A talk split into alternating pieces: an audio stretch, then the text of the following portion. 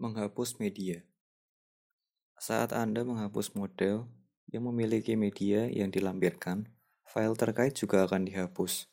Tautan menghapus dokumen media, GitHub repo, aplikasi demo yang digunakan dalam video. Menggunakan koleksi. Koleksi dapat digunakan untuk mengelompokkan file terkait. Tautan bekerja dengan koleksi, GitHub repo, Git aplikasi demo yang digunakan dalam video. Koleksi media sederhana.